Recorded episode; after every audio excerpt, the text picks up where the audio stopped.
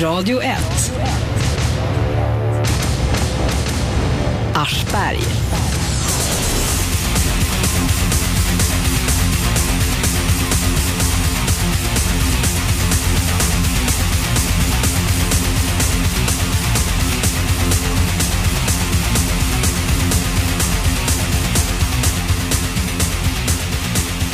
I dagens program ska vi följa upp ett program som vi gjorde för ungefär ett år sedan som handlar om ungdomars självskadebeteende. I studion hade vi Caroline Engvall som är författare och journalist och har skrivit boken 14 år till salu som handlar om Tessan, 14 år. Tessan blev utsatt för en våldtäkt, eh, eh, mycket ung då, och eh, började sen, eh, hamnade i ett självskadebeteende där hon sålde sex och lät sig utnyttjas också gratis av eh, vågade män. Carolina har också skrivit boken Skamfläck om tre ungdomar som hamnat i samma beteende. Eh, Paulina Bengtsson var i studion också. Hon driver Novahuset. Det är en institution, en hemsida och en institution som hjälper ungdomar som har det här beteendet. Jag blev väldigt förvånad att höra att det här var så pass vanligt eh, som ni kommer få höra. Också att det är eh, många pojkar som sysslar med det. Så vi ska börja dagens program med att höra på lite bitar ur eh, det program vi sände för ganska exakt ett år sedan. Eh, och eh, vi började helt enkelt med eh, att fråga Caroline Engvall vad det är eh, som gör att de personer, de här ungdomarna hamnar i ett sånt här beteende som de flesta av oss inte faktiskt har hört talas om. Jag beskriver en verklighet som få vuxna idag vill inse att det faktiskt finns i hela vårt land, inte bara i de farliga storstäderna och heller inte bara i de trasiga förorterna, utan det här är ett fenomen att unga gör sig illa med sex idag. Det finns överallt och eh, det är det vi vill sätta fokus på helt enkelt. Vad då gör sig illa med sex? Många av de som hör av sig till mig efter att jag skrev boken 14 år till salu för tre år sedan vittnar om att när det gör så ont på insidan, det kan komma av ett sexuellt övergrepp, det kan komma av en allmän tomhet i själen, så använder man sex idag för att dämpa sin ångest. Det kan vara sån ångest som ungdomar ibland får, som är, kan visa sig till exempel genom att de inte käkar ordentligt eller ja, stressade i skolan, sånt där. Mm, som ett självskadebeteende, fast det inte syns på utsidan. Men du säger idag eh, så tar man till sex som ett, eh, eller man, en del ungdomar gör det, som självskadebeteende. Eh, är detta något nytt? Att unga säljer sex är inget nytt enligt den statistik och forskning som finns. Men nätet idag är ju en helt annan arena att kunna använda. Och det här behöver inte börja med att man har blivit utsatt för ett grovt sexuellt övergrepp, utan många av de som skriver till mig, det kanske började av ett misstag. Man sitter hemma i sitt flickrum och man kanske chattar med någon, kanske tycker det verkar lite spännande att lägga upp en bild på sig själv. Men när den här bilden sen börjar spridas i skolan och på bloggar och man blir kallad äcklig hora, när kroppen inte längre tillhör en själv, då eh, kan det vara lätt att dras ner i en väldigt svart spiral som är väldigt svår att ta sig ur på egen hand. Du talar om statistik. Vad, vad, vad vet vi? Eller vad vet man? Vi vet att det finns ett jättestort mörkertal som aldrig berättar någonting för någon. Och eh, den statistik som finns idag, den är baserad på de unga som säljer sex. Fram, inte de som skadar sig med sex, utan de som säljer. Och de siffrorna visar att det är fler killar som säljer sex i Sverige idag än tjejer. Ja, det var, var väl en myt då som, som sprack. Ja, för många är det det. Mm. Det är alltså fler killar som, och då talar vi om unga, vi snackar om under 18 eller vad talar vi om? Unga människor, unga killar. Ja, vi kan prata om unga killar, det kan vi göra idag. Och eh, det här är ett jättestort problem eftersom killar syns nästan ingenstans i vården. Och de syns inte heller i rättsväsendet. Killar pratar inte med någon. Eh, menar du att det är ännu mer skämmigt så att säga för dem än det är för tjejerna?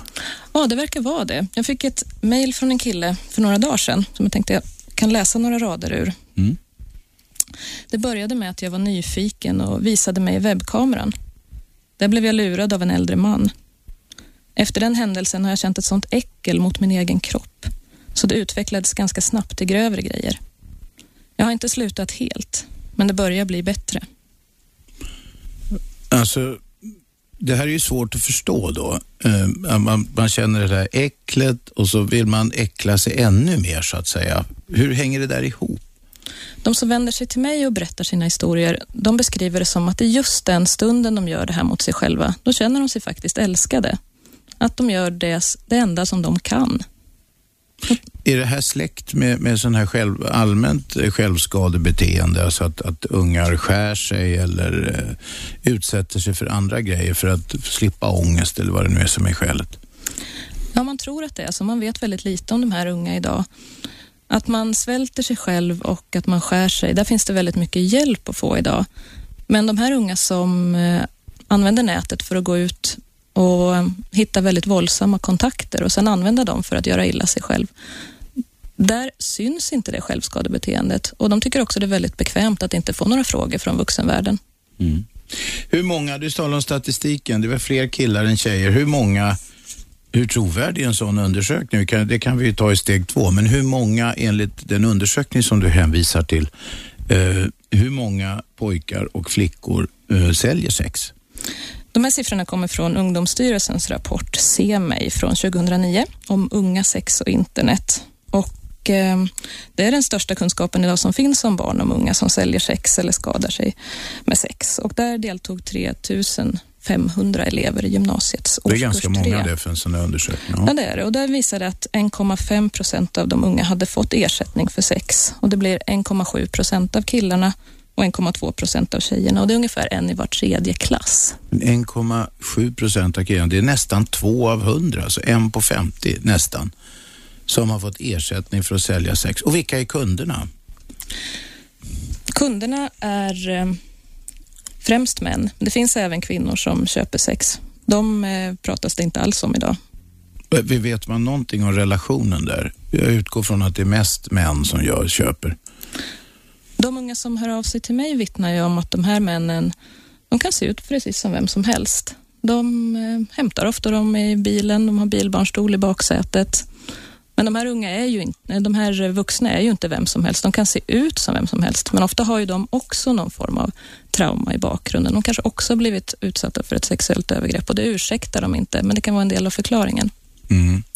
Paulina, ska vi etablera dig också i det här programmet som det heter. Eh, eh, vad hände dig? Ja, för... Varför sitter du ja, här? Varför, vad gör jag här?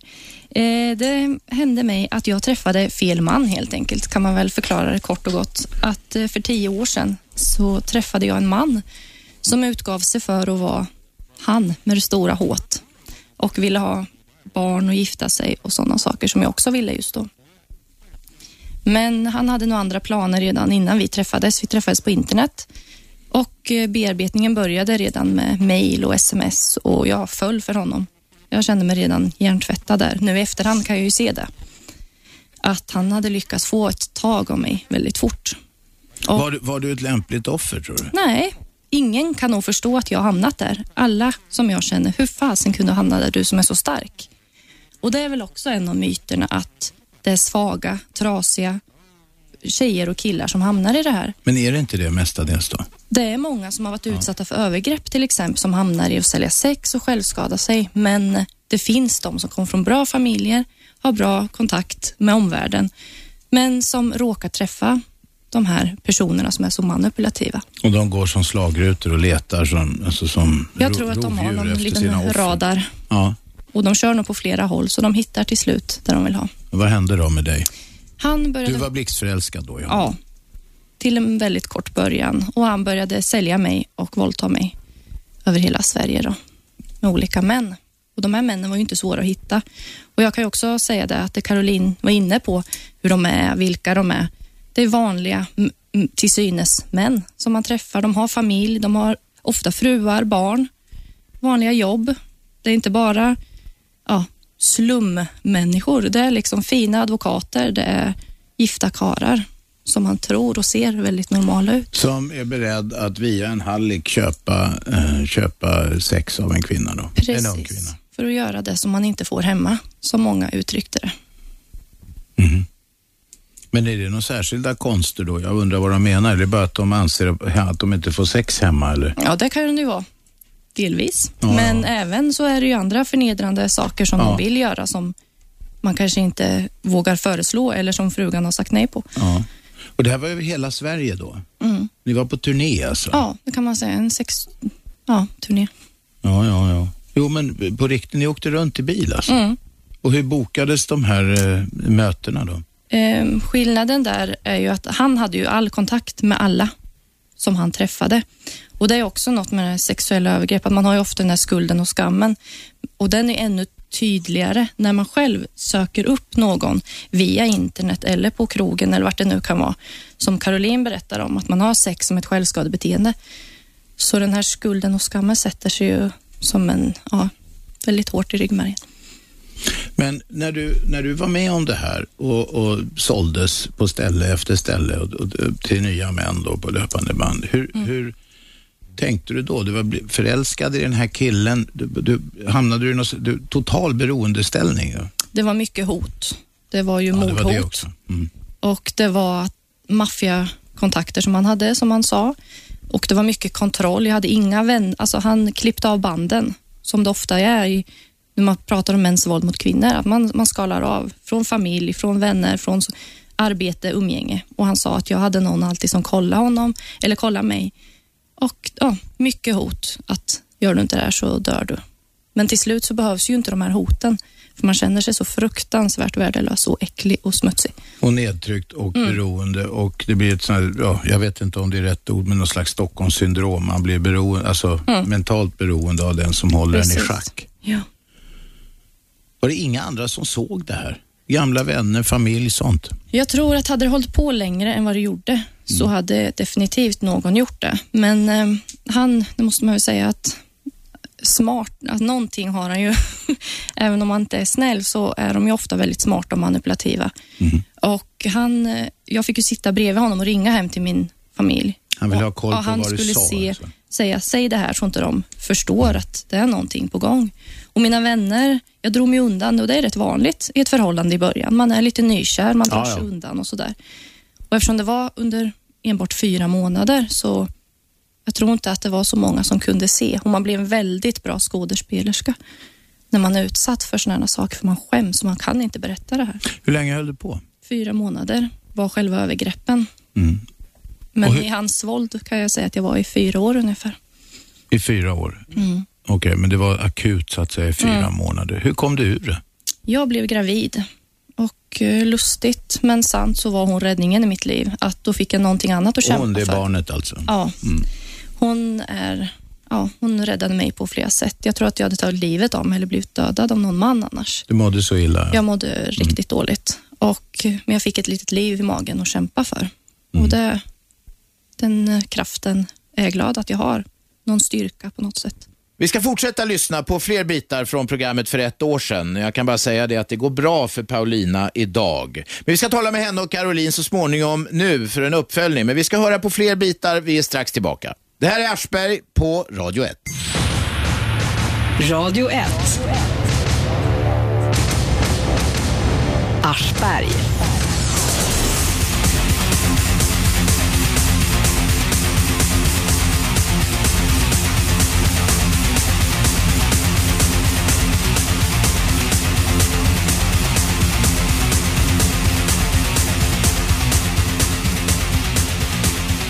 Välkomna tillbaka till Aschberg på Radio 1. Eh, vi sitter och lyssnar på bitar ur ett program som vi sände för ett år sedan Eh, där vi hade Caroline Engvall och Paulina Bengtsson här. Vi talar om ungdomars självskadebeteende, självskadebeteende som yttrar sig som att de utsätter sig för eh, sexuella övergrepp helt enkelt. Eh, Caroline eh, har skrivit eh, ett par böcker om detta. Paulina driver Nova-huset som är en hemsida som hjälper ungdomar som ja, har hamnat i, i sånt här beteende. Du eh, tyckte det var rätt stark tobak, Shabbe. Ja, jag tycker faktiskt att det var ett av våra absolut bästa program. Det var, mm. det, jag hade ju precis läst boken och eh, tyckte att det var hemskt att, att, att läsa om de här tre ungdomarna som som levde som de gjorde, det var verkligen det var en chock för mig. Mm. Att man skulle utsätta sig för något sånt. Karolins bok heter alltså Skamfläck och den handlade om eh, grova sexövergrepp eh, som tre ungdomar utsattes för. Ungdomarna heter Nadja, Sandra och Jocke. Jag ville visa alla tres historier. Dels vill jag visa Jockes framför allt eftersom det är så få som känner till att killar utsätter sig för sådana här farliga saker idag på nätet och säljer sex. Sandra och Nadias historier skiljer sig ganska mycket från varann. Sandra bor på den fina adressen i Stockholm. Eh, ingen i hennes omgivning skulle någonsin tro att hon utsätter sig själv för sådana här hemska saker. I Nadjas fall så var det lite annorlunda. Hon är också en helt vanlig tjej med bra familj, bra skola. Men så plötsligt så chattar hon med en kille och eh, lägger upp en bild på sig själv och eh, lite senare så hittar hon den här bilden uppsatt i skolan. Och då är, känner... Förlåt, är det en skolkompis då eller? Som gör det här? Hon tror att det är den här killen som hon har chattat med, att de måste bo i samma stad. Ah, okay. Hon vet fortfarande mm. inte vem det är. Nej, nej. Och eh, när den här bilden börjar spridas så känner hon att kroppen är inte längre värd någonting. Så jag kan lika gärna utsätta mig själv för ännu värre övergrepp. Men då har hon varit lite, vad ska jag säga, predestinerad för det här. Hon har varit svag på detta område, eller vad man ska säga. Det är ju ingenting som någon kan se på utsidan tyvärr, utan de här unga är ju ofta ganska duktiga tjejer och killar som går genom hela skolan med perfekta betyg och de skulle aldrig drömma om att berätta om det här för någon. Mm. Framförallt inte för sina närmaste eftersom just Paulina berättar om skulden och skammen blir så stor. Man känner sig så smutsig. Mm. Det var, det var Nadja. Om, ska du, ta, du kan berätta lite mer om, om var och en. Och då börjar det här. Hon känner sig smutsig. Det blir någon slags eh, vändpunkt eller, eller det tippar över. Någonting som kanske har funnits, kanske inte. Men i alla fall så poppar det upp. Och vad gör hon då? Jag kan berätta lite grann med Sandras egna ord, mm. vad, hur hon känner. Det var en av de första gångerna jag träffade Stefan, kanske den tredje. Jag visste att han gillade att dominera tjejer, så det var ingen överraskning. Och det var precis vad jag sökte.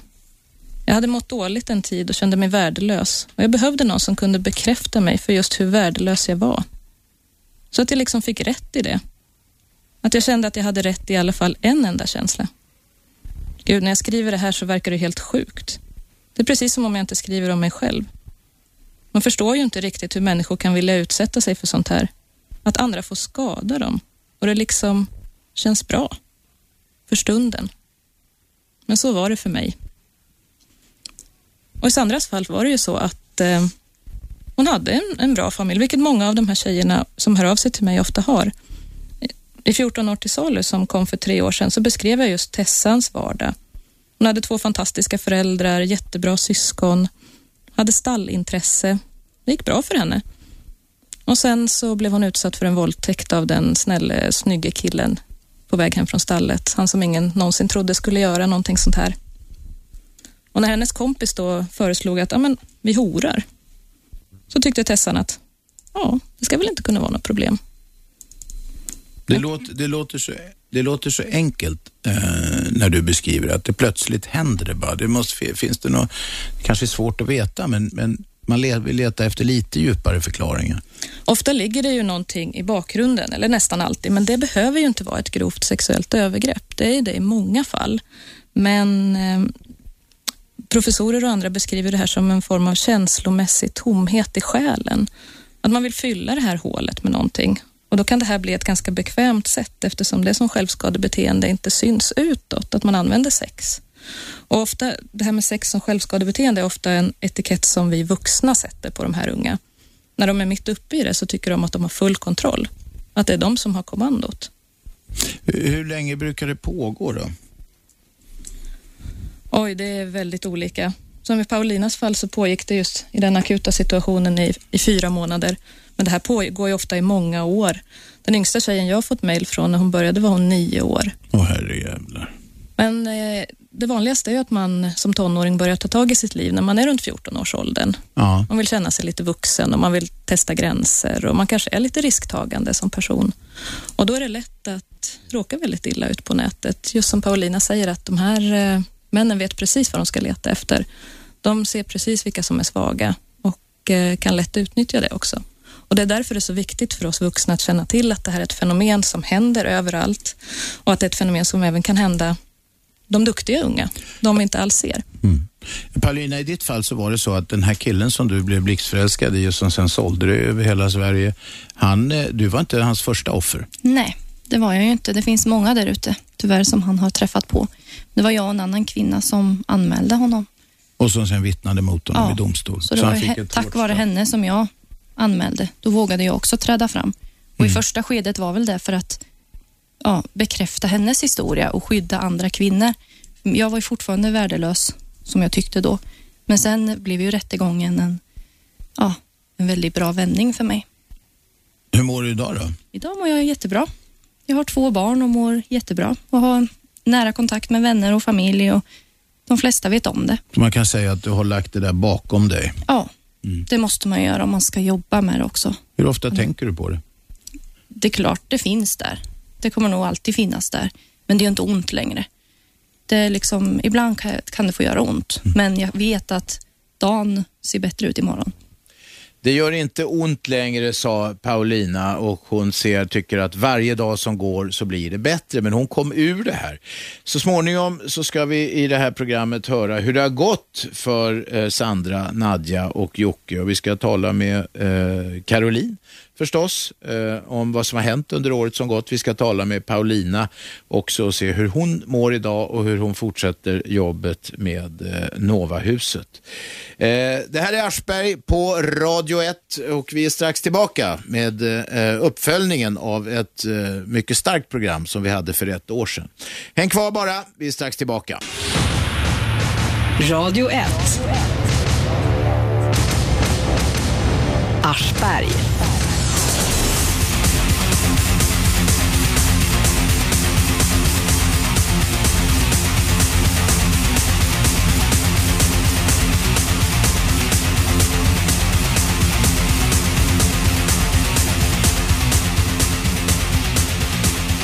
Måndag till eh, fredag 15.00 till 18.00 frekvensen 101,9 MHz i Storstockholm. Man kan lyssna vid datamaskinen radio1.se eller så skaffar man appen, eh, den gyllene appen som heter Radio 1 och är gratis och funkar alldeles perfekt. Idag gör vi ett uppföljningsprogram. För ett år sedan så talade vi om ungdomars självskadebeteende. Vi hade Caroline Engvall, författare och journalist i studion och Paulina Bengtsson som själv var utsatt för, utsatt för en massa sexuella övergrepp. Hon eh, slogs ihop med en kille som eh, tvingade henne, han blev hennes hallick under tvång och han sålde henne på en slags turné. Nu jobbar båda de här kvinnorna mot eh, ungdomars självskadebeteende och mot att ungdomar ska hamna i beroende av hallickar eller män som vill utnyttja dem. Eh, vi har lyssnat på några bitar från det här programmet. Vi ska följa upp det sen och tala med både Caroline och Paulina. Eh, en fråga som jag ställde till Caroline är hur mycket vet polisen om sånt här och hur kan polisen hantera sådana här problem? Innan pausen pratade vi ju om eh, den svenska människohandeln lite grann, den som Paulina också varit utsatt för. Och Det är faktiskt så att den utlandskommande prostitutionen, den som rubriceras som människohandel, faktiskt har minskat. tack vare- ja, som det heter. Mm, ja. Tack vare sexköpslagen. Men också att polisen har varit duktiga på att bekämpa den och vi har verkligen fått upp ögonen för det. Men det som det har gett konsekvensen är ju att eh, den inhemska svenska prostitutionen har eh, ökat och det ser ju polisen med egna ögon i sitt dagliga arbete. Och ehm, den är mycket svårare att komma åt. Ehm, många förväntar sig den här Lilja Forever-bilden att när man kommer till rätten och förhör de unga så ska det vara en baltisk tjej, kanske från någon annan öststat, som är liten och späd och smal och man har den bilden framför sig helt enkelt på de som är traffickingoffer. Men eh, så möter de den här eh, helt vanliga Odd Molly-tjejen från eh, Vasastan som inte alls passar in i bilden på den människohandlande offret. Och då blir det väldigt svårt för rättsväsendet att ta det här till sig, hennes historia. Vadå, de tror inte på den eller? Tyvärr så möter många unga av dem jag har kontakt med ofta att Eh, rättsväsendet inte tror dem, att de fortfarande får många av de här skuldbeläggande frågorna. Och Paulina som jobbar dagligen med det här och följer med offer till rätten, du möter också det här, eller hur? Absolut, och det gjorde jag ju själv i min rättegång och det är något jag ser idag också, både hos ja, eh, andra olika myndigheter i hela landet. Men det ser också väldigt olika ut i Sverige. Det finns ju spetsgrupper som jobbar med människohandel och som gör ett exemplariskt jobb som är jätteduktiga. Men det gäller ju att hitta en bra polis, en bra advokat och en bra socialtjänsttant eller man Men, och det ska man inte känna heller att man, det ska behöva. Jag tycker att alla ska ha någon form av grundkompetens. Och Sen är det jättebra när man har de här specialgrupperna som jobbar med vissa frågor. Du sa om din rättegång, hur gick den till? Eh, Var det som rättegångar är mest eller? ja, det var det. Det var väl lite mindre amerikansk protest som jag Ja, men hade hoppats. så där håller de ju inte på i Nej, man domstol. hade Det är bara på TV det, de gör det. eh, vissa frågor hade varit ja, helt ute nu 2011 eller 2005. Som till som, exempel det var. vad då? som till exempel vad jag hade på mig, hur många jag hade haft sex med. Alltså tidigare då? Ja, precis. Och det tycker inte jag har någon...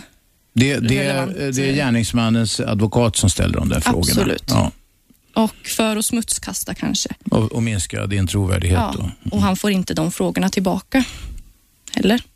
Nej. Lyssnar, lyssnar domstolar, eh, ja det kanske är svårt att säga, men kände du att de som satt i rätten där, att de lyssnade på det där, att de tog intryck av det där? Både och. Tingsrätten hade jag underbara människor som satt där som jag verkligen kände, de lyssnar på mig och de tror på mig. De sov inte för en gångs De skull. sov absolut inte. I hovrätten är det ju mer allvar, eller man ska säga, man ser det. Ja, det de visar ingenting i ansiktet av, och man får, blir otroligt orolig och känner att de tror inte på mig. Och Då är det ju otroligt viktigt att ha någon med sig som stödperson för att kanske ja, förbereda en för så här kommer det bli och jag finns där i pausen. Och att man kan stötta upp när man ramlar, för det gör man många gånger varje dag.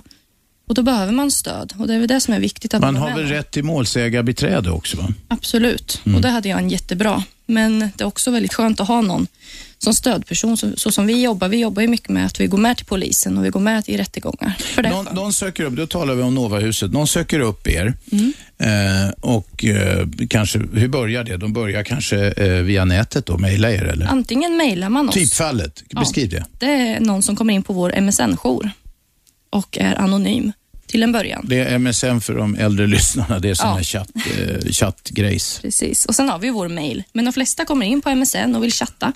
Och Många har inte pratat med någon innan och många har, och de andra har pratat med någon men har blivit sidosatt och inte blivit lyssnade på ordentligt. Och då, Många gånger är de kanske säger vem de är med förnamn. Ibland är det inte ens deras riktiga namn. Och Hos oss kan man ju vara anonym och det tror jag är rätt viktigt i början att vara det. Sedan har vi kontakt där, ofta, väldigt ofta. Och eh, ju mer och mer förtroende man får, desto mer får man ju veta vart personen kanske bor. Eller, men det är hela tiden deras. De får välja hur mycket Det är på de deras villkor. Ja, och det är väl något som de tycker är väldigt Om det nu blir så sen att de, de känner att nu vill jag försöka komma ur det här eller by- Mm. byta liv eller någonting. Eh, hur gör ni då rent handfast? Då får ni kontakt med dem, eh, Vi träffar dem. träffar dem och så vidare. Och vad är nästa steg? Det beror på om de vill, så beror på lite hur gamla de är. Om det är någonting som hem, händer hemma, då kanske man måste gå till socialen. Man kanske behöver vara på ett annat boende eller i en familj. Och Det är ofta många unga rädda för, för att de vill inte bo hos någon annan och det är därför de inte tar kontakt med socialen, för de vet att de har sin anmälningsplikt och lika väl skolan. Nu talar du, nu talar du om något som vi inte har eh, talat om så mycket tidigare, nämligen när de här övergreppen sker i hemmen Mm. Med anhöriga som eh, förgriper sig på, på barn och ungdom. För det finns ju många som då tar kontakt med familjen själva och då kan ju hela övergreppet bli mycket värre. Och det måste man också ha i åtanke. Vem är det som utsätter den här personen? Inte bara att man är utsatt, utan vem är det och vad kan vi trygga upp för att den här unga ska ha ett nätverk och hur kan den här komma ur det här? Men vad, vad, vad gör ni då? Rent, alltså, hand, Vi jag vill med. veta konkret, så att säga. vad händer? Vi följer med. Vi tar säger att det är ett sånt här jävligt, alltså extra jävligt fall där, Mm. det, där, där det pågår i hemmet. Då kämpar vi, då går vi till, då sätter vi oss ner med personen och frågar vad vill du? Först och främst. Och då berättar de deras önskemål. Och vi, och vi försöker bolla fram vad vi tycker är bra också. Får in deras vilja och vår vilja tillsammans. Sedan måste vi gå till socialen oftast för att de måste bli flyttade till ett annat hem. Och då måste vi berätta det här.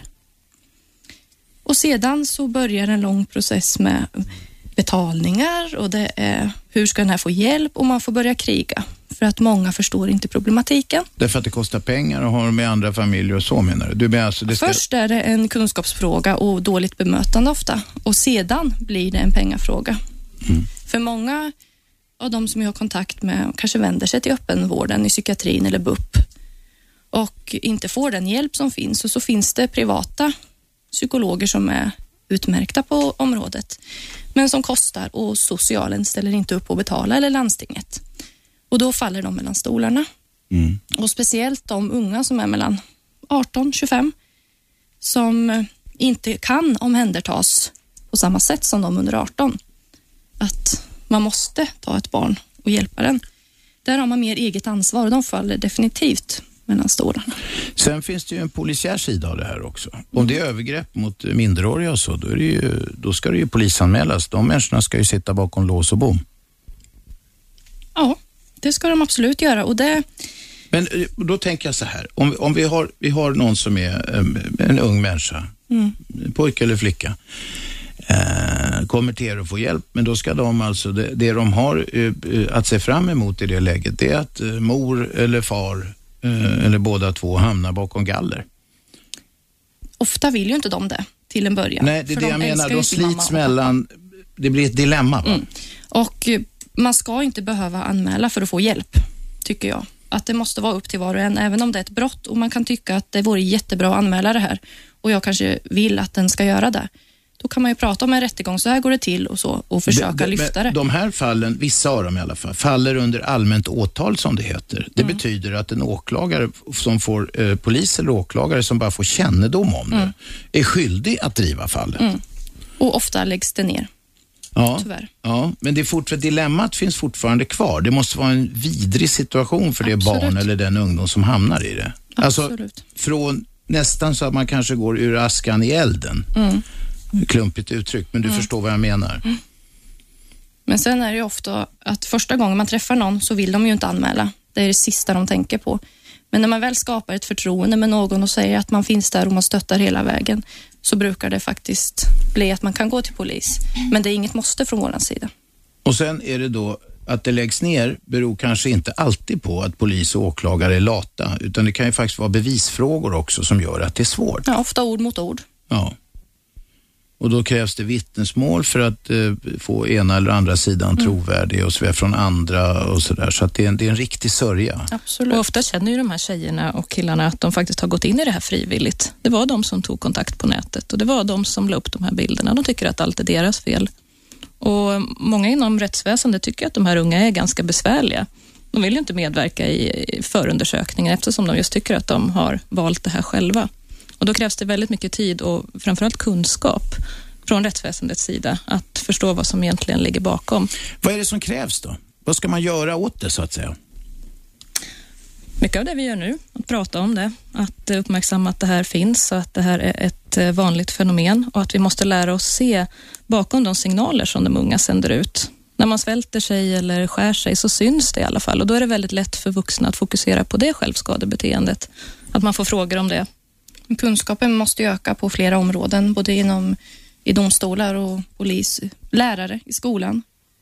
Och det finns många, vi kan ju alla, det finns inte någon som kan göra allt, men jag tror att alla på något sätt kan bidra med sin del. Och att man har olika kontakter i Sverige som man kan ringa till. Samverkan är ju jätteviktig i de här frågorna, att man har nätverksmöte så den här personen slipper att gå mellan olika myndigheter hela tiden, för det är väldigt jobbigt för en ung att prata om sina händelser. Ja. Och vart ska man då vända sig? Vi tar det en gång till igen. Ni hade en del alternativ där som... Om man vill få en samlad bild var man kan vända sig så kan man gå in på sajten intetisalu.se. Där finns det många alternativ och många av dem är specialiserade på just de här svåra ämnena. Novahuset är också fantastiskt att eh, just få en första kontakt via MSN-jour och MSN-chatt. Och under sommaren nu när många har haft semester så har just ungdomsjourer, tjejjourer haft extra öppet med mejl och MSN-jour. Ett fantastiskt sätt för unga idag att faktiskt få en första kontakt.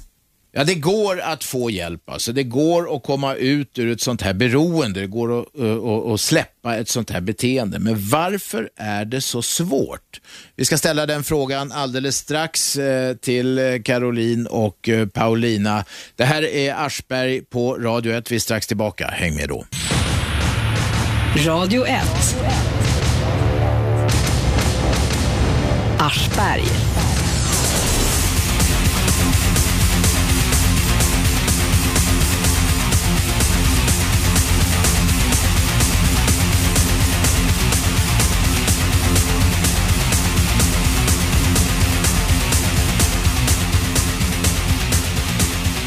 Välkomna tillbaka. För ett år sedan talade vi om ungdomars självskadebeteende. Sånt självskadebeteende som yttrar sig så att de låter sig utnyttjas för grova sexuella övergrepp. Vi hade Caroline Engvall och Paulina Bengtsson i studion. Och för att vara djävulens advokat så ville jag ställa frågan den gången då. Om de här ungdomarna då mår så illa av det här, varför lägger de inte bara av? Varför fimpar de inte människorna som utnyttjar dem? Och så här svarade Caroline. Det finns ju många anledningar. Dels finns det de som är utsatta för hot och inte vågar något annat. Sen finns det de som känner sig så fruktansvärt värdelösa att det är det enda de duger till. Att någon har sex med dem. Så finns det de som behöver det här på något sätt som en ångestlindring. Det är många av de skälen som jag möter på när det gäller alla former av sexuella övergrepp, men främst när det gäller sex som självskadebeteende eller att man säljer sex. För det är ju inte många som jag möter som säljer sex för att man behöver pengar. Det är ofta att man har ett hål i själen eller på något sätt mår väldigt dåligt. Det är en av de vanligaste frågor som jag möter bland vuxna. Men varför slutar man inte bara då när det är så otäckt? Mm. Och då har jag fått ett mejl från en tjej som vi kan kalla Anna som jag tycker ringar in hela det här problemet väldigt bra. Hon skriver så här. Det kändes bra när jag låg på sängen. Jag kände mig önskad. Men jag var behövd just då. Någon ville ha mig och just stund, i den stunden kände jag mig älskad. Ju fler jag träffade, desto fler behövde mig. Och om så många ville ha mig för stunden, kanske jag kunde hitta någon som vill älska mig för alltid i framtiden. Men när jag kom hem på kvällarna kände jag mig helt död i själen. Men jag hade lyckats få kroppen att överleva en till dag. Stanna kvar här på jorden, inte ta en överdos av något piller och hitta stöd i diket. Mm, det är att man vill känna sig älskad. Alltså. Detta är svårt, det är svårt att förstå. Mm. Det är väldigt svårt och många, det är ju, jag gillar inte att säga att någon har sexmissbruk, för det tycker jag är något helt annat. Men just den här eh, behovet. Man säger aldrig, varför slutar du inte bara knarka? Det, sluta rök, det är bara så lätt, lägg ner liksom. Men de här männen finns ju faktiskt överallt. De springer på vägen och de finns överallt och de här jag har en tjej som jag har kontakt med. Hon klarar verkligen inte av att hålla sig borta. Hon får, hon får verkligen... Det är som ett drogberoende? Ja, hon blir beroende. Alltså hon klarar inte av att hålla sig borta. Mm. För att hon behöver det här självskadandet så otroligt mycket och det är ju likadant som att skära sig. Mm. Tessan som jag skrev om i, i, första boken, 14 år till salu, hon beskrev att hon hade alla männens telefonnummer i en liten svart bok under huvudkudden och när hon kände att hon var orolig i själen så kunde hon ta fram den här svarta boken och bläddra lite grann och se alla nummer och känna att ja, men det är det här jag är riktigt bra på. Här är de som älskar mig. Mm, för stunden, ja. Ja, men det gjorde de ju inte alls. Nej, sen har vi ju som en annan tjej som jag har kontakt med. Hon träffar ju verkligen de värsta av de värsta. Hon lägger ju ut helt enkelt en eh, profil med att hon söker någon som är det dummaste och de ska inte lyssna på vad hon vill. De ska inte lyssna på ett nej, de ska slå henne, de ska verkligen förnedra henne. Mm. Och hon, det är ju det, hon vill inte bli älskad. Hon vill hitta någon som skadar henne ännu mer, för att hon är inte värd någonting. Hon har ju tidigare varit utsatt för upprepade övergrepp, så hon tycker att hennes vilja finns inte längre, utan det här är hennes, det är hon. Ni som håller på med det, finns det någon eh, psykologisk förklaring så man kan förstå det här? Alltså, vad, hur hänger det ihop? Det är just det som är så svårt att förstå. De som har varit utsatta för övergrepp, precis som Paulina berättar om nu, där är det lite lättare att förstå varför man utsätter sig för det här om och om igen. Antingen att man inte känner sig tillräckligt älskad och att man känner att ja, men det här är det enda jag är värd. Eller också att man på något sätt försöker återta kontrollen. Att man eh, utsätter sig för det här om och om igen och just den stunden känner att ja, men det är faktiskt jag som bestämmer. Det blir lite svårare de som inte har ett övergrepp i bakgrunden utan faktiskt bara har ett hål i själen som de behöver fylla med bekräftelse. Och Det är ju där eh, jag tror att många föräldrar blir väldigt rädda idag, för det här händer ju faktiskt även de som ser sina barn. Och eh, Det finns inget hundraprocentigt tätt nät för att det här inte ska kunna hända. Och Föräldrar måste liksom släppa taget och inse att vi kan inte ha koll på allt som våra unga gör på nätet, men att man kan lära sig se signaler.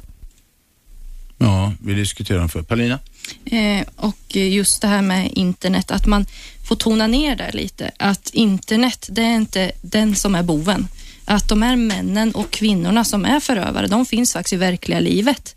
Det är lika, man kan lika väl stöta på dem på ICA. eller på en fest eller ute i parken. Att internet får inte bli den dåliga grejen som förstör Nej, nej, det är, bara, det är bara en plattform så att Ja, säga. precis. Att Men de finns ju nu sa du en sak som, som gör mig nyfiken. Då. Det, eh, den gängse bilden är ju att det bara är män som eh, utnyttjar eh, kvinnor, eller pojkar för den delen, eh, för att köpa sex eller på något annat sätt utnyttja, utnyttja sina offer så att säga. Hur vanligt är det att kvinnor köper sex eller utnyttjar minderåriga på ett otillbörligt sätt? De finns, men de har inte kommit fram lika mycket. De är inte i lika stor utsträckning som männen. Varken på polisanmälningar eller i undersökningar och sådär. Men absolut, jag möter de som varit utsatta, utsatta för kvinnor. Så att de finns. Ja, men möter man- du, de är det dagligen eller är det, enstaka, är det undantag som bekräftar regeln? Det är inte så jättemånga är det inte, men jag vet att de finns. Och där är väl mörkertalet också otroligt högt, likadant som det är med killar. För att de pratar inte om det här på Det samma sätt som tjejer. Nej, just det. Och det visar sig då, den undersökning som ni talar om som heter CMA 2009, vem var det som hade gjort den?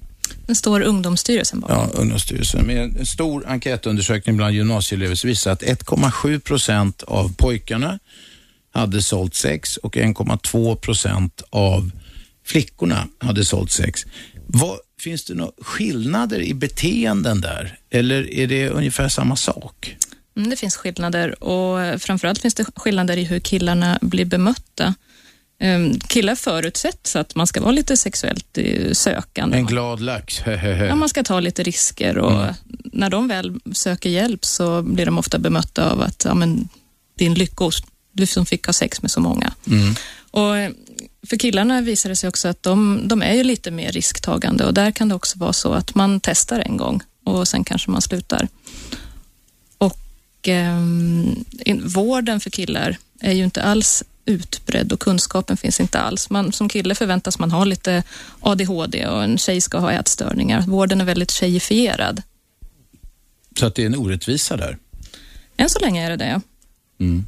Och då, om killarna är ett större problem, det här var helt nytt för mig. Jag trodde att det var snarare undantag och sådär. Vilka är de här killarnas, om det nu är fler killar, det är nästan en på 50 som har sålt sex. Vilka är kunderna där? Ja, nu blev det tyst. ja den som Vad vet man då? Man vet ju inte så mycket om kunderna överhuvudtaget. Eller förövarna i sexuella övergrepp överhuvudtaget. Man, det finns väldigt lite forskning på det här området. Mm. Så att eh, tyvärr. Men eh, mestadels är det män, men absolut så förekommer det kvinnor. Och det är alla åldrar. Det är inte bara den här fula gubben i 60-årsåldern som köper sex. Det kan vara en 17-åring, det kan vara en 25-åring eller en 45-åring. Och då undrar man kanske också, ja, men de här killarna som säljer sex till män, är alla de homosexuella då? Och så behöver det inte alls vara, men det kan vara ett väldigt stort hinder sen när killarna söker hjälp. Ja, för att det, det Då blir det är dubbel skam. Då måste man Ja, först det. deala med, ja, men är jag homosexuell eller inte? Och sen kanske man kan börja berätta om stigmatisering. övergreppen. Så sa Caroline Engvall för ett år sedan eh, i mitt program. Vi ska tala med henne och se vad som har hänt under året som gått. Vi ska också tala med Paulina Bengtsson som var gäst vid samma tillfälle.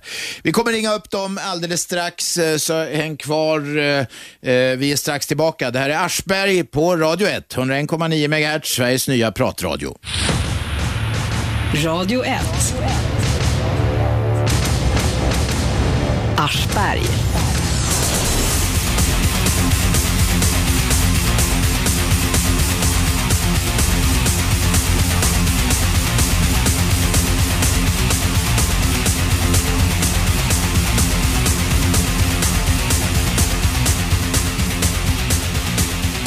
Välkomna tillbaka till Aschberg på Radio 1. Eh, ja, vi följer upp ett program eh, som vi sände för ett år sedan då vi hade författaren och journalisten Caroline Engvall eh, i studion. Vi hade också Paulina Bengtsson som driver Novahuset. Paulina var själv utsatt för en lång rad övergrepp och hon berättade alldeles nyss om, om dessa. Nu tar vi, tar, ska vi tala med Caroline Engvall som eh, dels har gett ut böckerna eh, 14 år till salu och sen boken Skamfläck och som håller på med en massa nya projekt här. Vi ska höra. Välkommen hit eh, Caroline. Tack så mycket. på telefon. Alla, men det får duga idag. Vad har du fått för reaktioner på eh, de här böckerna och så? Nu har det gått ett år sedan du var här. Ja, men vet du, det är så, är så fantastiskt att det faktiskt har hänt väldigt mycket på det här året sedan vi pratade sist. Um, när jag var hos dig i studion och berättade om vilka unga det är som skadar sig med sex, att det kan gälla både tjejer och killar, så kom jag ihåg att du blev ganska förvånad att det också gällde killar. Att det var så många killar också. Kunde ja. göra, ja, att killar också kunde göra det här mot sig själv. Men under det här året så känns det ändå som att frågan har kommit upp på bordet och det har varit ett väldigt stort intresse. Så under hösten kommer jag bland annat att utbilda hela Stockholms stads eh, skolkuratorer, skolsköterskor och ungdomsmottagningar i Jaha, ämnet sex ja. och självskadebeteende. Vem tog initiativ till det där då? Det gjorde jag tillsammans med socialborgarrådet och ehm, då kommer alla som har gått den här utbildningen att få som ett litet körkort kan man säga och sätta utanför sitt rum att de kan det här ämnet så att de unga som ser det här och går förbi kan känna att ja men den här som jag vill prata med den kan faktiskt det här ämnet och jag behöver inte skämmas för min historia. Men du kan ämnet. All respekt för, för att eh, du undervisar eller att ni tar tag i det här på det viset. Men, men vi har ju talat om hur jävla svårt det är. De ungar som hamnar i det här, de försöker ju med alla medel dölja det och så vidare. Eh, kan, hur, hur kan man liksom, är det, kommer det vara så att nu upptäcks allt det här? Men visst är det så att de unga vill ju gärna dölja det men samtidigt vill de berätta. Det, det de vill är att de vuxna ska se dem men de berättar inte själva. Utan det som händer är att de ofta, det kommer små bitar av, eh, av saker de faktiskt känner att de vill berätta. Det kan handla om något helt annat. Och då gäller det för de vuxna som möter de här att kunna fånga upp dem, att kunna se att men det kanske gäller någonting annat, att det är något annat de vill prata om. Och eh, framförallt också att veta att det här existerar och vilka det är det gäller, att det inte är de synligt trasiga enbart utan att de kan gälla unga som faktiskt på ytan mår ganska bra. Vad är det för slags signaler då som man, eh, jag menar inte att du ska ge oss kursen här och nu, men vad är det för slags signaler man ska eh, titta efter? När det gäller föräldrar så är det framförallt att man lär känna sina barn så att man kan se de förändringar som faktiskt ofta inträffar när det gäller sådana här svåra saker. Och eh, idag är det ju så att föräldrar inte har så mycket tid att, eh, att lära känna sina barn. Man, man jobbar mycket och man kanske skyller på puberteten att ja, men det här är naturliga förändringar. Men om det är så att ens barn kanske börjar missköta skolan, kanske drar sig tillbaka, byter kompisgäng, um, börjar surfa mycket på nätet, kanske också får mer pengar än man hade tidigare. Då ska man börja bli vaksam och, och fråga att är det någonting som händer i ditt liv nu som inte känns bra? Är det någonting som har gjort något mot dig som, som du inte kändes bekväm med? Mm. Så det är viktigt att inte våga ducka för de här frågorna och tänka att men, vi stör våra ungas sexuella identitet genom att fråga dem sådana här saker. Utan var jobbig och fråga och eh, våga också bära deras historia. Jag vet inte om du har haft tonårsbarn, men eh, det är inte alltid så lätt att kommunicera med tonåringar. Nej men visst är det så. Men det, det tonåringarna själva vittnar om att de vill är ju att de vuxna ska fråga. Och de säger också att men jag kommer inte att berätta. Och inte första gången och kanske inte ens tionde gången. Men då har man i alla fall frågat och då känner man att när jag orkar berätta så kan jag göra det för den här personen. Ja. Men de signalerna, en gång till bara så vi är tydliga med dem. Det var alltså att de eh, Någon missköta skolan. förändring. Ja, eller kanske sluta tvätta håret, kanske sluta sköta sin hygien, kanske börja träffa helt andra kompisar. Eh, blir väldigt inåtvänd och sätter sig mycket på sitt rum och surfar. Eller tvärtom, man blir väldigt extrovert och, och börjar ta, ta mycket risker och vara ute och, och göra saker man inte gjorde tidigare. Men- Och då att man inte bara avfärdar det som vanlig pubertet. Ja, ja. ja men det låter lätt, men alltså unga förändras ju jävligt mycket i den där åldern också av naturliga skäl. De, de får andra intressen, de byter kompisgäng och så här. Det behöver ju inte alls vara något eh, skumt med det.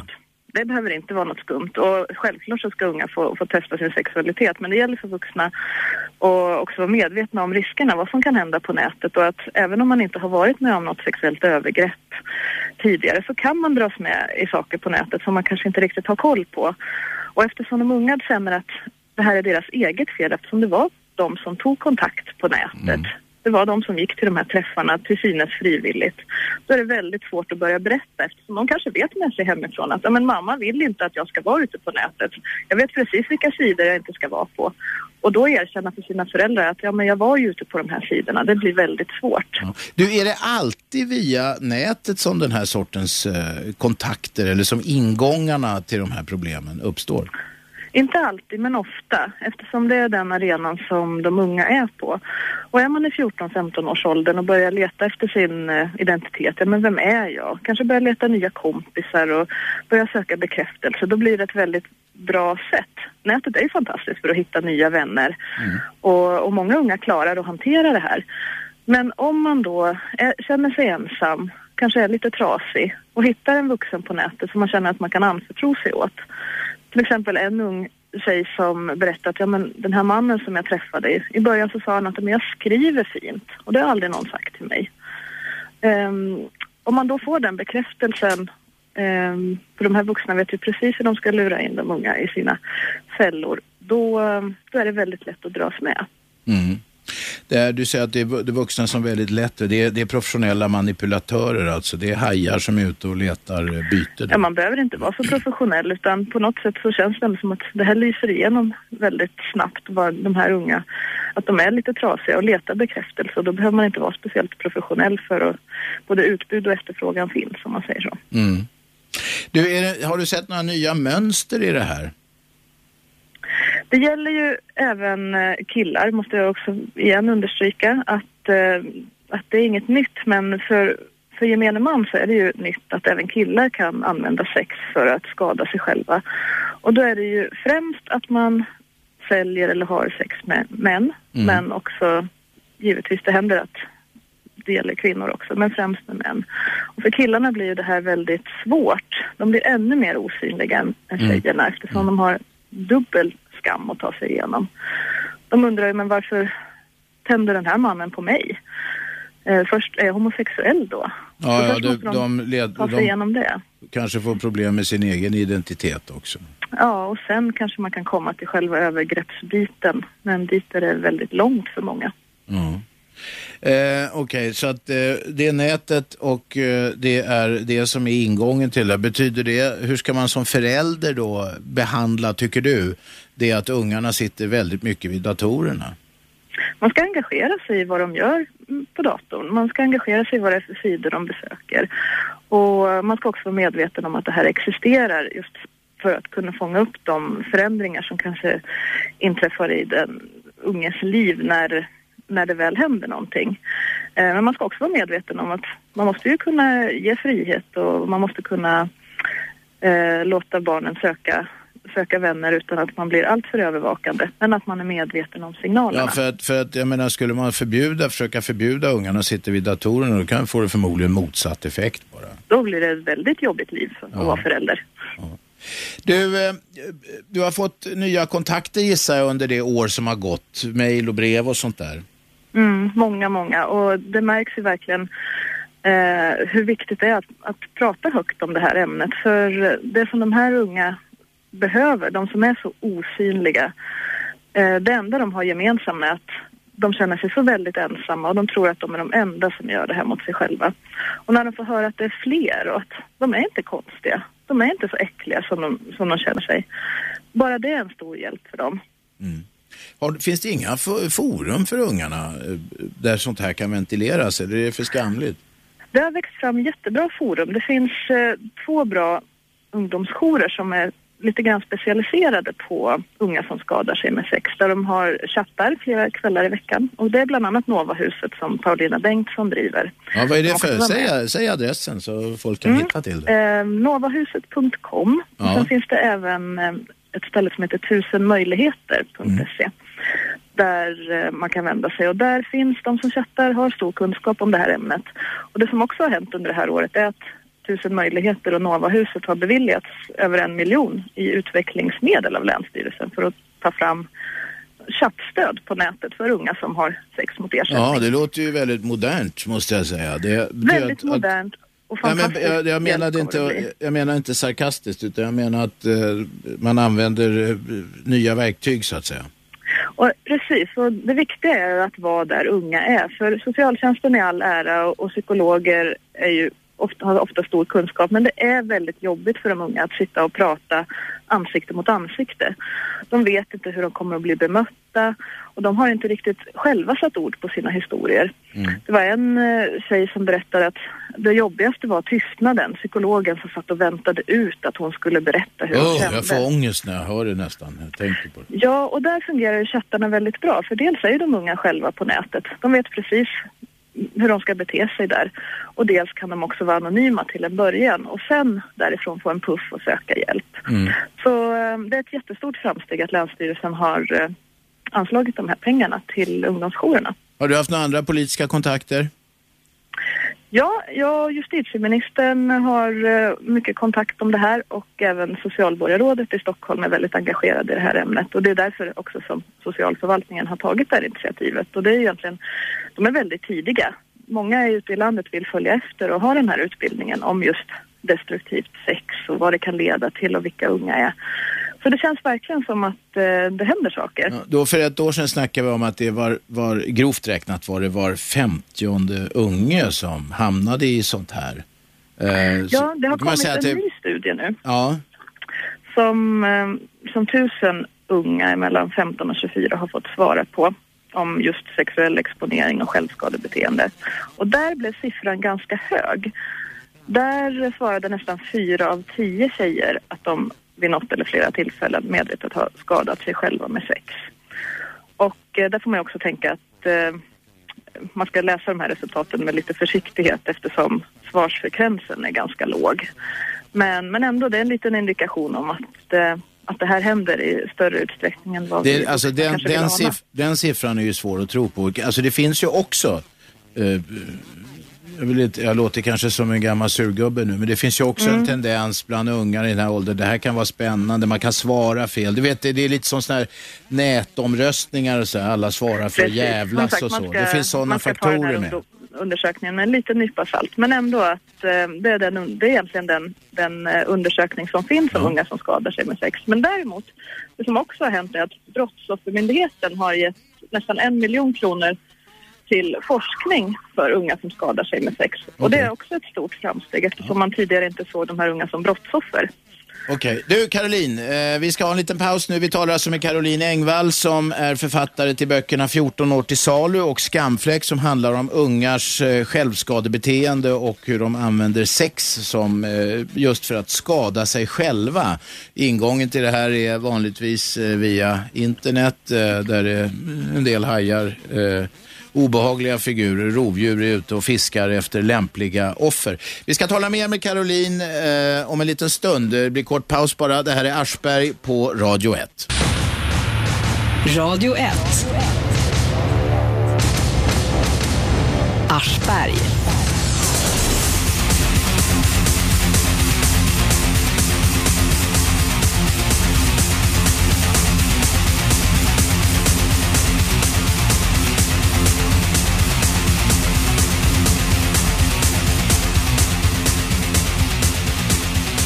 Vi har Caroline Engvall här i studion. Caroline är författare och journalist och för ett år sedan satt hon i studion eh, tillsammans med Paulina Bengtsson som driver Novahuset. Paulina var eh, utnyttjad eh, som ung tjej av en pojkvän eh, som eh, eh, blev hennes hallick och hon åkte på sexturné. Förskräckliga historier. Caroline har skrivit böckerna 14 år till salu som handlar om Tessan som efter en våldtäkt eh, började eh, sälja och ge bort sex för att eh, skada sig själv. Eh, Caroline har också skrivit boken Skamfläck som handlar om eh, Sandra, Jocke och Nadja som eh, också har använt sex som självskadebeteende. Nu har vi Caroline med oss på telefon igen för att höra, det har gått ett år, vi ska se vad som har hänt. Vi har talat lite grann om reaktioner på de här böckerna. Det har visat sig att politikerna har börjat vakna lite grann. Caroline ska nu ut och undervisa skolkuratorer och sånt och det har kommit en del pengar för att eh, kunna lyfta den här frågan. Eh, det har kommit ut stöd på olika sätt. Caroline har haft kontakter med justitieministern och så vidare. och Så vidare. Så att det verkar som folk börjar vakna, Caroline. Ja, visst är det fantastiskt. Ja.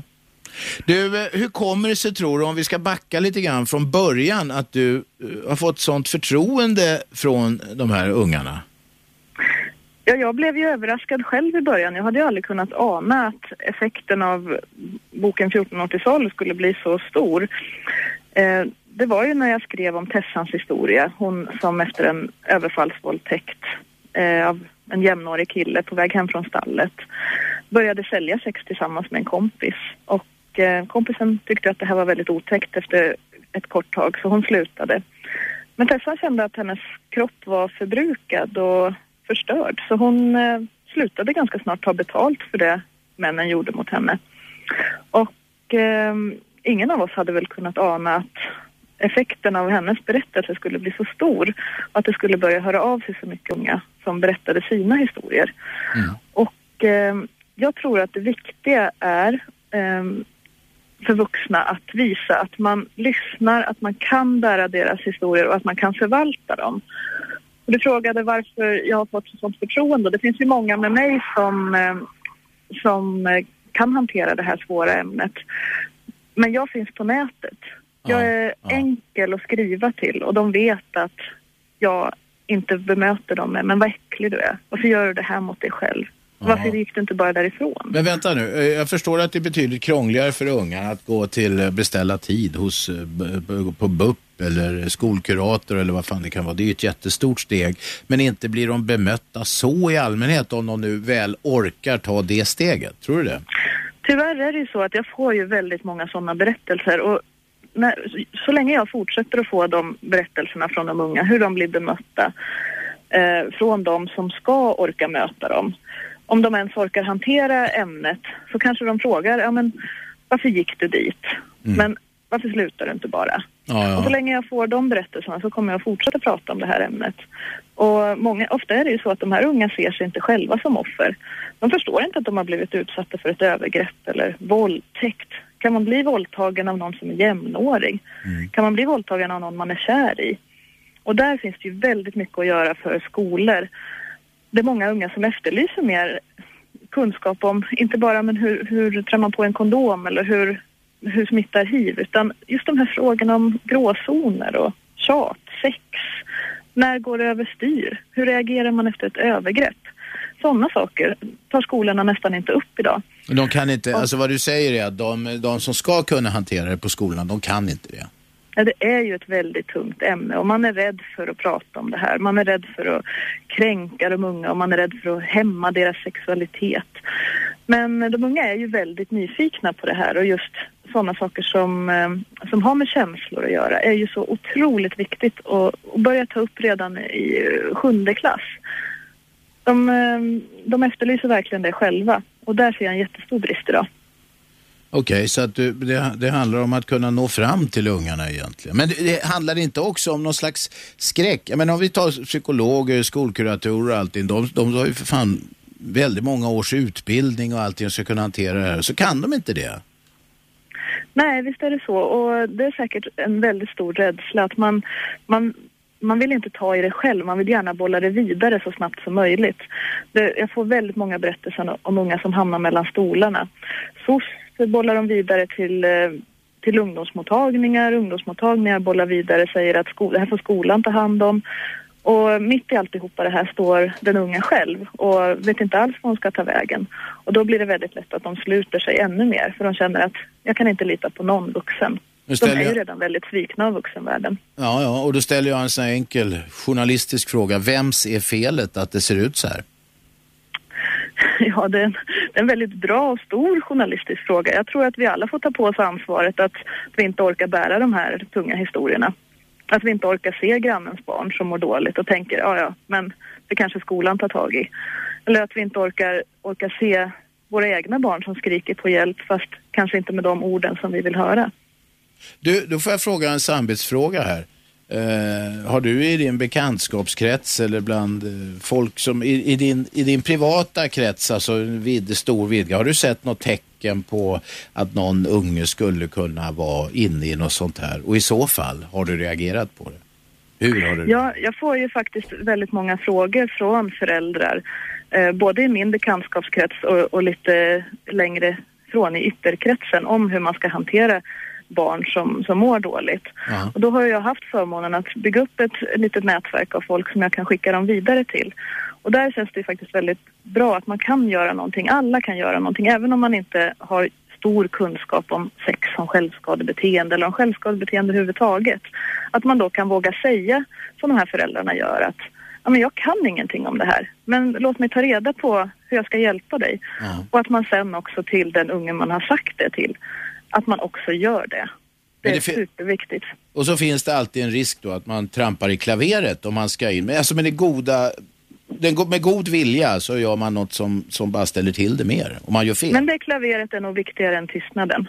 Ja, okej. Det är bättre att göra någonting menar du, än att bara låtsas som om det regnar.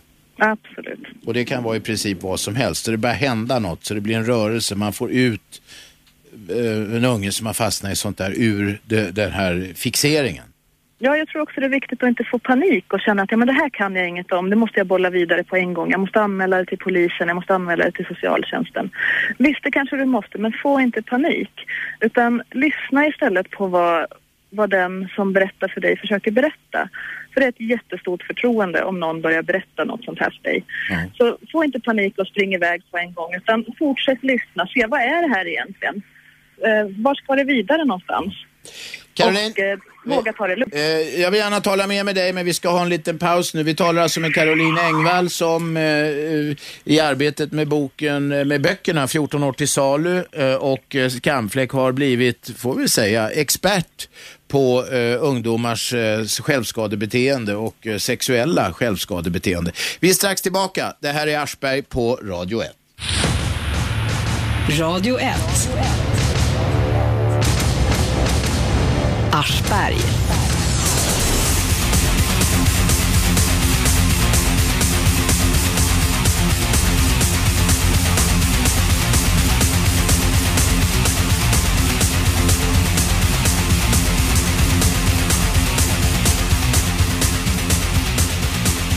Det här är Aschberg på Radio 1, 101,9 eh, MHz i Storstockholm. Vi sänder förstås som ni vet eh, måndag, tisdag, onsdag, torsdag, fredag 15 till 18 eh, varje vardag. Så även på helger faktiskt 15 till 18, men då är det repriser.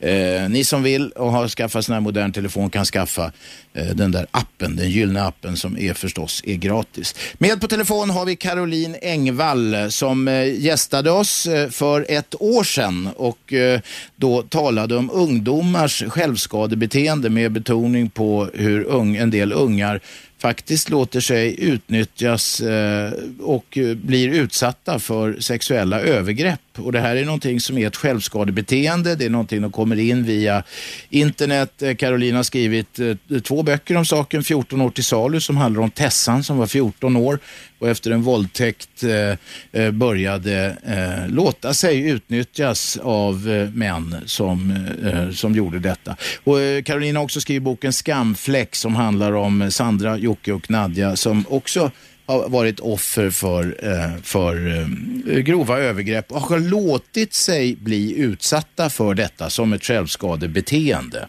Du, eh, eh, ska vi höra nu, eftersom jag nämnde detta och det är många som undrar vet jag, hur mår Tessan idag? Det härliga är att Tessan mår jättebra. Hon har en eh, egen familj med pojkvän och barn och hon bor kvar i den stan fortfarande där allt det här hände. Jaha, Och eh, hon ser ju de här männen på stan och resonerar som så att hon är starkare än dem. Inte jag som ska behöva flytta på mig. Och Tessans tufft, historia ja. är ju ett fantastiskt exempel på att även om man varit långt ner i skiten, längst ner, så långt ner man kan komma och man själv inte tror att man ska överleva, så finns det hopp. Man kan faktiskt ta sig ur det. Ja. Hur, hur, hur trasig var hon? Alltså det, det kanske låter som en dum fråga, men i, i, i, det perspektivet att hon nu idag mår bra? Ja, jag själv så när jag började följa henne för 12 år sedan så var jag helt övertygad om att eh, hon inte skulle klara sig. För hon utsatte sig för fruktansvärda saker och de här männen använde alla möjliga redskap när de förgrep sig på henne. Och en av de värsta förövarna var ju hennes egen systers pojkvän. Och han hotade ju med att berätta för hennes föräldrar, vilket är väldigt vanligt, att man, eh, blir hotad som ung. Jag kommer att sprida de här bilderna, jag kommer att berätta för dina föräldrar. Mm. Och det är väldigt effektivt att få de här unga att hålla tyst. Vilka jävla svin alltså. Eh, Jag måste bara, bara reagera på detta. Jag har läst den här boken och jag, eh, nu, kommer man på det, nu kommer man på det igen. Men hon, hon mår bra, har familj och eh, känner sig stabil och eh, lycklig och så vidare. Och du har kontakt med henne. Mm, och visst är det så, man blir väldigt upprörd. Vilka är de här som gör det här mot våra unga? Och vi ska också komma ihåg att ehm, de som utsätter sig för det här, ofta har det skett ett övergrepp kanske med någon jämnårig. Och det är också viktigt att betona att ett, ett övergrepp behöver inte ske i någon park, någon, någon gubbe som kommer efter en och överfaller en. Utan det kan också ske på en fest med en jämnårig att man kanske ställer upp på någonting man inte riktigt var med på. Är inte det där- egentligen, förlåt, men är inte det egentligen vanligare än den här? Det är det allra vanligaste. Klassiska, myten liksom, ju fula gubben Har i man varit parken. utsatt för, ett, för en våldtäkt så är det den fula gubben i parken. Och Ja. därför ser man sig kanske inte som ett våldtäktsoffer. Om det har skett på en fest eller just för för Tessan med någon man faktiskt kände. Därför att generellt är det väl så att de här överfallsvåldtäkterna som de kallas, de är väldigt ovanliga jämfört med det som eh, händer i, i den, den vardagliga miljön. Visst är det så. Och därför, blir, därför är det så väldigt viktigt att, att unga vet om att det är faktiskt vanligt att det här händer. Och hur man reagerar efter ett övergrepp. Man kanske inte alls har skrikit och slagit och sprungit därifrån som man själv trodde att man skulle göra när man hade bilden av någon som blev våldtagen. Utan man var kanske kär i någon och började hångla lite och så gick det överstyr. Ja. Så där finns det också mycket att göra. Att eh, berätta för de unga, främst från skolans sida, att hur, hur kan det vara efter ett övergrepp? Hur kan man må? Och hur eh, vanligt är det hur man försöker dölja det? Du, eh, eh, Sandra, Jocke och Nadja beskriver du i boken Skamfläck, deras historier. Hur mår de idag? Om det har gått väldigt bra för Tessan så har det gått mindre bra för Jocke. Han har svårt att ta sig ur det här självskadebeteendet. Han faller ofta tillbaka. Ungefär som om man missbrukar alkohol så tar han återfall. Han eh, är fortfarande väldigt illa däran. Eh, Sandra har inte träffat någon man på länge men hon är ganska skör och känner att när ångesten stiger då kan inte jag lova att jag inte kommer att fortsätta med att ha kontakt med de här männen. För det är ju så att det, det blir som en ångestdämpning för dem. Alltså ungefär som att man skär sig och just då när man sätter rakbladet mot armen så, så känns det bra. Ja. Och för de här unga är det ungefär på samma sätt att just då när de träffar de här våldsamma männen och har sex med dem, just i den stunden känns det bra. Och det är väldigt svårt för både de själva och omvärlden att förstå Ja, det är, hur väl, det är väldigt för svårt. Man kan, jag kan på något sätt teoretiskt förstå att någon skadar sig för att avleda någonting som gör ont inne så att säga mot något annat. Men äh, det, det, detta att träffa någon och låta sig utnyttjas så, det är ju inte bara eh, grövre på ett sätt. Det är också komplicerat att ta sig dit. Man ska ha kontakter, man ska förflytta och så vidare. Va? Visst. Och, eh, så att hon beskriver ungefär som ett alkoholmissbruk. Att ja, men jag kanske, jag kanske kommer återfalla. Men däremot så har det gått väldigt bra för Nadja. Jaha. Hon har hållit sig ifrån det här väldigt länge nu. Så henne vi ser stort hopp om att det faktiskt ska fortsätta gå väldigt bra för. Ja, vad roligt då. Du, jag måste ställa en eh, fråga därför att jag vet att det finns eh, en del folk som inte vill ha liksom, som inte har så öppet sinne eller förståelse för andra. Det var någonting du sa just att skolpsykologer och kuratorer kunde ställa. Varför slutar de inte bara? Kan du förklara det för de som har svårt att förstå? De unga beskriver det som själva när de har efter ganska kort tid faktiskt eh, gjort det här mot sig själva så beskriver de det som att ja, men jag känner att sex är det enda jag kan. Det är något jag är riktigt bra på. För i början så är det så att de får ju sex, de får närhet och i många fall får de också pengar. Och i början ser de det här faktiskt som något positivt. De ser sig inte alls som offer utan de känner sig att de har full kontroll över det här. Och eh, de, de tar betalt, de kan köpa saker som de vill ha. Men, men ganska så snart så går det här över till att pengarna känns smutsiga. De vill inte alls köpa de här sakerna. Dels blir det väldigt svårt att komma hem till föräldrarna med en massa nya saker hela tiden och förklara var kommer de ifrån. Men också att pengarna inte känns värda någonting. Och då blir det väldigt svårt att, att förstå, men varför gör jag det här mot mig själv när jag inte ens tar betalt? Visst, man kanske får beröm för, för det man gjort under den här sexakten. Men sen då? Tomheten blir så väldigt stor. Och då blir det lätt att göra det här igen och igen och kanske ta ett steg längre fram. En lite större risk. Och till slut så har man utsatt sig för så, så fruktansvärda saker att kroppen klipps av på något sätt. Man är mm. huvudet på ett ställe och kroppen på ett annat. Okej, okay, och då är man riktigt illa ute? Ja, men samtidigt så finns det hjälp och det finns hopp. Så även om man är illa ute så finns det faktiskt vuxna som förstår det här och som, som, som kan lyssna och som orkar. Och hittar man inte rätt vuxen på en gång så let, fortsätt leta. Ja, ge några bra tips nu när vi ändå, du kan, eh, vart ska man vända sig? Alltså okej, okay, ens föräldrar begriper inte. Eh, BUP eller skolkurator eller vad det nu är, de, de lyssnar inte eller man tycker inte man får något förtroende för dem.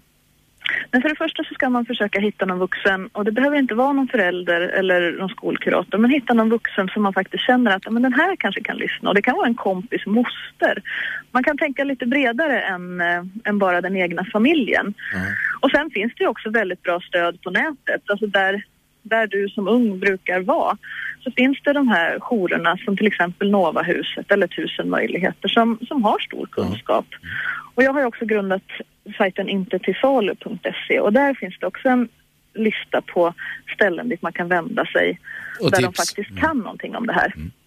Du, eh, eh, vi ska börja runda av lite grann. Vad har du för nya projekt på gång, Caroline? Jag håller på och gräver djupare ett väldigt intressant ämne om den svenska människohandeln. Alltså svenska unga som säljs, säljs inom landet och som låter sig bli sålda. Som beskriver det här som det ultimata självskadebeteendet, att de låter sig bli sålda av en, en vuxen. Jaha, hur vanligt är detta? Det är ett problem som idag inte finns några människohandelsdomar på till exempel. Men då är frågan, beror det på att vi inte har sett det här på rätt sätt eller på att det inte finns? Och jag hävdade det tidigare att vi ser inte riktigt på det som det är. Alltså människohandelsdomar finns ju. Men det gäller Inga inte... människohandelsdomar för sexuella ändamål för svenska unga. Inte för svenska unga, så att det, aha, så de är då, vad ska jag säga, betrakt, alltså det här är något, ett problem som eh, rättvisan, eller vad ska jag säga, det juridiska systemet inte har uppmärksammat överhuvudtaget. Ja, man eh, har försökt i några fall, till exempel i Malmö försökte man få till eh, människohandel för ett par år sedan.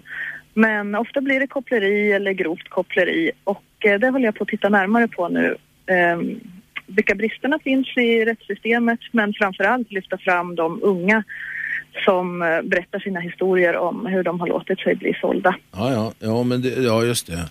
Eh, du, du sa också att Brottsoffermyndigheten hade fått eh, pengar för att börja forska eh, runt de här frågorna. Mm, det är jätteintressant hur just bilden av ett brottsoffer ser ut. För eh, även om man har tagit stora risker och till kanske sökt upp sin förövare så ligger ju ändå skulden hos den som har förövat.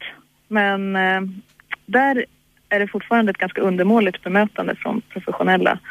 Om man har utsatt sig själv för risker, om man har brutit mot regler och kanske till och med fått ut någonting, då måste man förstå att eh, då, är, då gäller det fortfarande att man inte får skylla sig själv utan att eh, man måste utmana schablonbilden av brottsoffret. Ja, just det. Du, eh, som vanlig människa, om man vill eh, eh, göra någonting för att bidra till att få, få, vad ska jag säga, stävja, stävja detta, vad kan man göra då? Då börjar man i det lilla, att se sina egna barn och se barnen runt omkring mm. och uppmärksammar om det är någon som ser ut att må dåligt. Och då frågar man, hur mår du egentligen? Hur, hur har du det i skolan? Har det hänt någonting på nätet som inte kändes riktigt bra? Mm. Då engagerar man sig och man följer också upp. Man frågar igen och igen och igen. Mm. Och man är jobbig. Okej, tusen tack för att du var med eh, Caroline. Jag hoppas du kan komma till oss när eh, nästa bok kommer. Tack så mycket. Lycka till med det fortsatta arbetet. Tack ska du ha. Tack. Ni som lyssnar, det här är Aschberg på Radio 1. Vi är strax tillbaka. Eh, häng med då. Radio 1. Aschberg.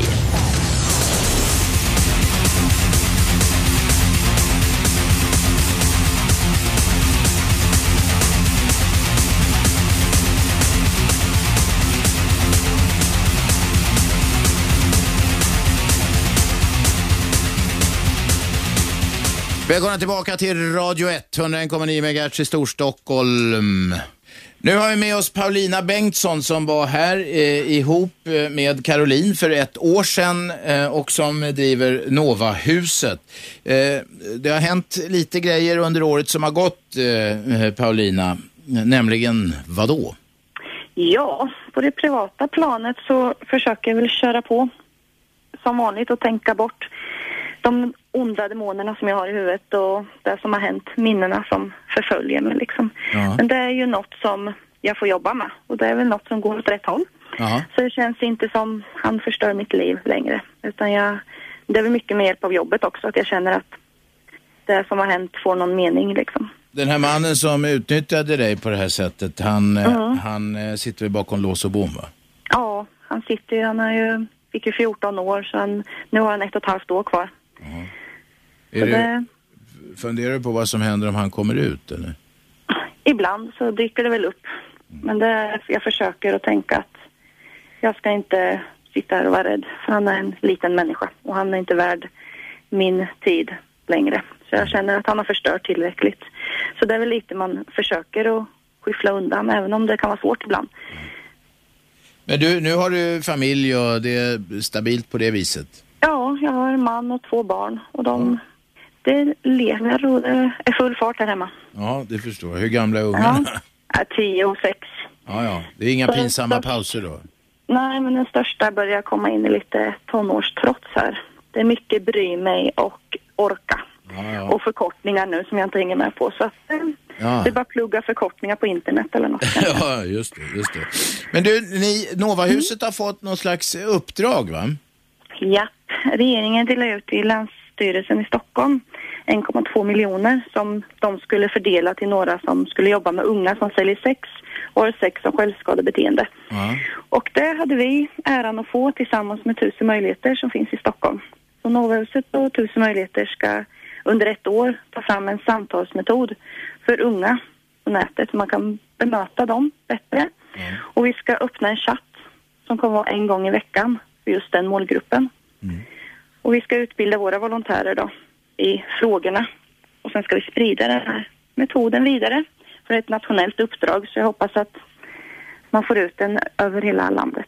Du, alltså jag förstår att du är, är tacksam för detta, men jag tycker att mm. det låter som skitpengar i sammanhanget. Ja, skiten är väl att eh, projektet tar slut efter ett år. Det är väl något som man skulle kunna få varje år, känns det nästan som. Så att eh, det är ju en liten start, men vi är glada för det lilla, för det har inte hänt så mycket annat pengamässigt på fronten tyvärr. Det är mycket uppe i media om, om problemet och man visar att det finns, men det händer inte så mycket. Nej. Och även om vi får en eh, samtalsmetod nu som vi ska ta fram med Linda Jonsson och Micke på prostitutionsenheten så känns det ju som, ja, man kanske kan, vi hoppas att man blir bättre på att bemöta men det finns fortfarande ingen, psykiatrin måste in och bli bättre i de här områdena och vi måste ändå ha något kunskapscenter kring frågorna och ett helst något boende för de här unga personerna som inte finns idag. De blir placerade på rättspsyk och bland missbrukare och på vanliga kvinnojourer som ofta inte räcker till just för den här mm. målgruppen. Nej. Och då, då hamnar de på rättspsyk och sådana, det verkar ja. helt tokigt. Ja, tyvärr är det så att man inte har så mycket kunskap kring just självskadande och att sälja sex. Mm. Det är många, det är väl bara att sluta eller ja. Det är ju... Du, du sa, ja. Ja, förlåt. Du sa att eh, ni, ni, skulle utbilda volontärer. Vad är det för, mm. eh, vad är det för eh, personer som blir sådana volontärer? Ja, vi har ju tillsammans med Tusen möjligheter har i Novahuset cirka 80 volontärer som har gått en grundutbildning hos oss. Och det är engagerade eldsjälar som jobbar ideellt. Och det är också en grej att man kan inte bara lita på de som jobbar ideellt utan det måste ju ut bland psykiatrin och kommunen också. Ja, ja. är, det, är, det, de här volontär, är det folk som själva har varit på en sån här hemsk resa eller är det bara folk som är, ställer upp av ideella skäl? Eh, många är väldigt engagerade i frågorna. Sen finns det en och annan som mig då, som själv har erfarenhet som har kommit vidare. Mm. För det är väldigt noga med att man har kommit vidare så man inte har själv har problem med det längre liksom. Men oftast är det ju de som har pluggar kanske till socionom, brinner för frågorna eller på något sätt kanske känner någon som varit utsatt och vill göra skillnad. Ja. Så det är eldsjälar främst. Du, de kontakter du får eh, via Novahuset och så, de som eh, söker sig till er, hur mycket är killar, hur mycket är tjejer? Alltså jag blev ju förvånad då för ett år sedan när du sa att det var så vanligt bland eh, killar också. Ja, ja. Vi har ju kanske, vad ska vi säga, 12 procent kan man väl säga, killar. 12 procent Men, ja, men sen så vet man ju att det är ju ännu mer tabu för killar att söka. Och även HBT-personer. Det är svårare ofta att söka hjälp. Och du tror att det finns ett eh, mörkertal där alltså? Absolut, det tror jag absolut. De tog ju fram den här undersökningen att de, som visar att lika många killar som tjejer sålde sex. Men eh, än så länge vi märker att det kommer fler och fler killar och transpersoner som hör av sig till oss. Mm. Men jag tror att det är extra svårt faktiskt för en kille att höra av sig. Det är attityder och normer i samhället som gör att killar kanske inte pratar på samma sätt som tjejer gör och man får inte visa sig svag och sådär. Och det är väl mycket där vi vill jobba med förebyggande i skolor också. Du, tror du att det här är någonting, är det, om man ska, att det här har uppstått, har det här alltid funnits? Eh, att man använder sex som självskadebeteende, har det ökat med de kommunikationsmöjligheter som internet gör? Eller är det här något fenomen som man överhuvudtaget, liksom, det har funnits jämt men ingen har uppmärksammat det överhuvudtaget? Ja, jag tror att det har funnits. Att man som sex är ju väldigt tabu. Jag tror inte att, man, att det riktigt kommit upp på tapeten eller att det är ett sätt inte ett accepterat sätt som och kallas självskadebeteende eller att man säljer sex. Jag tror att det har funnits innan också. Att då har man gått genom vänner kanske, krogen. Så det är klart att internet gör det lätt på ett sätt men jag tror ändå att internet gör det inte, är inte boven i det hela. Nej, nej. Nej, nej, det är ju bara ett, en, en kommunikationsväg. Ja, Finns det precis. någonting du skulle vilja ändra på, någon lagstiftning, någonting sånt där som du tycker skulle kunna eh, bidra till det här? Eller är det bara informationsfråga? Nej, jag tycker att det är väldigt... De unga som utsätter sig själva för, ja, som har sex som självskadebeteende, det är ju de... Jag tycker att de är offer. Men det är ju väldigt svårt att få det så i lagen och jag vet inte riktigt hur lagen ska ändras men så som jag ser det så är det ju våldtäkter när någon skriver på slavkontrakt att man får göra vad de vill med en och inte ska sluta när man säger nej. Jag tycker Ja. inte det Nej, nej. är okej liksom att man ska se som ett brottsoffer. okej. Du, eh, tusen tack eh, Paulina. Lycka till med det fortsatta arbetet. Ja, ja tack detsamma. Okej, tack eh, Ja, för att tack. vi fick ringa dig. Ja, det här, tack. mina damer och herrar, är Aschberg 101,9 Radio 1. Sveriges nya pratradio.